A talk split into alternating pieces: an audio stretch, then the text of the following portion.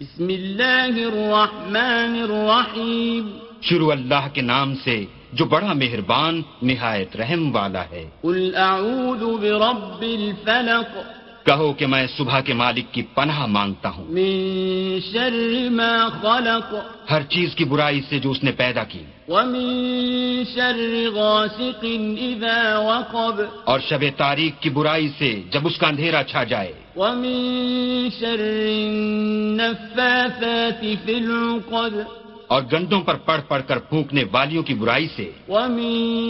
شر حاسد إذا حسد और हसद करने वाले की बुराई से जब हसद करने लगे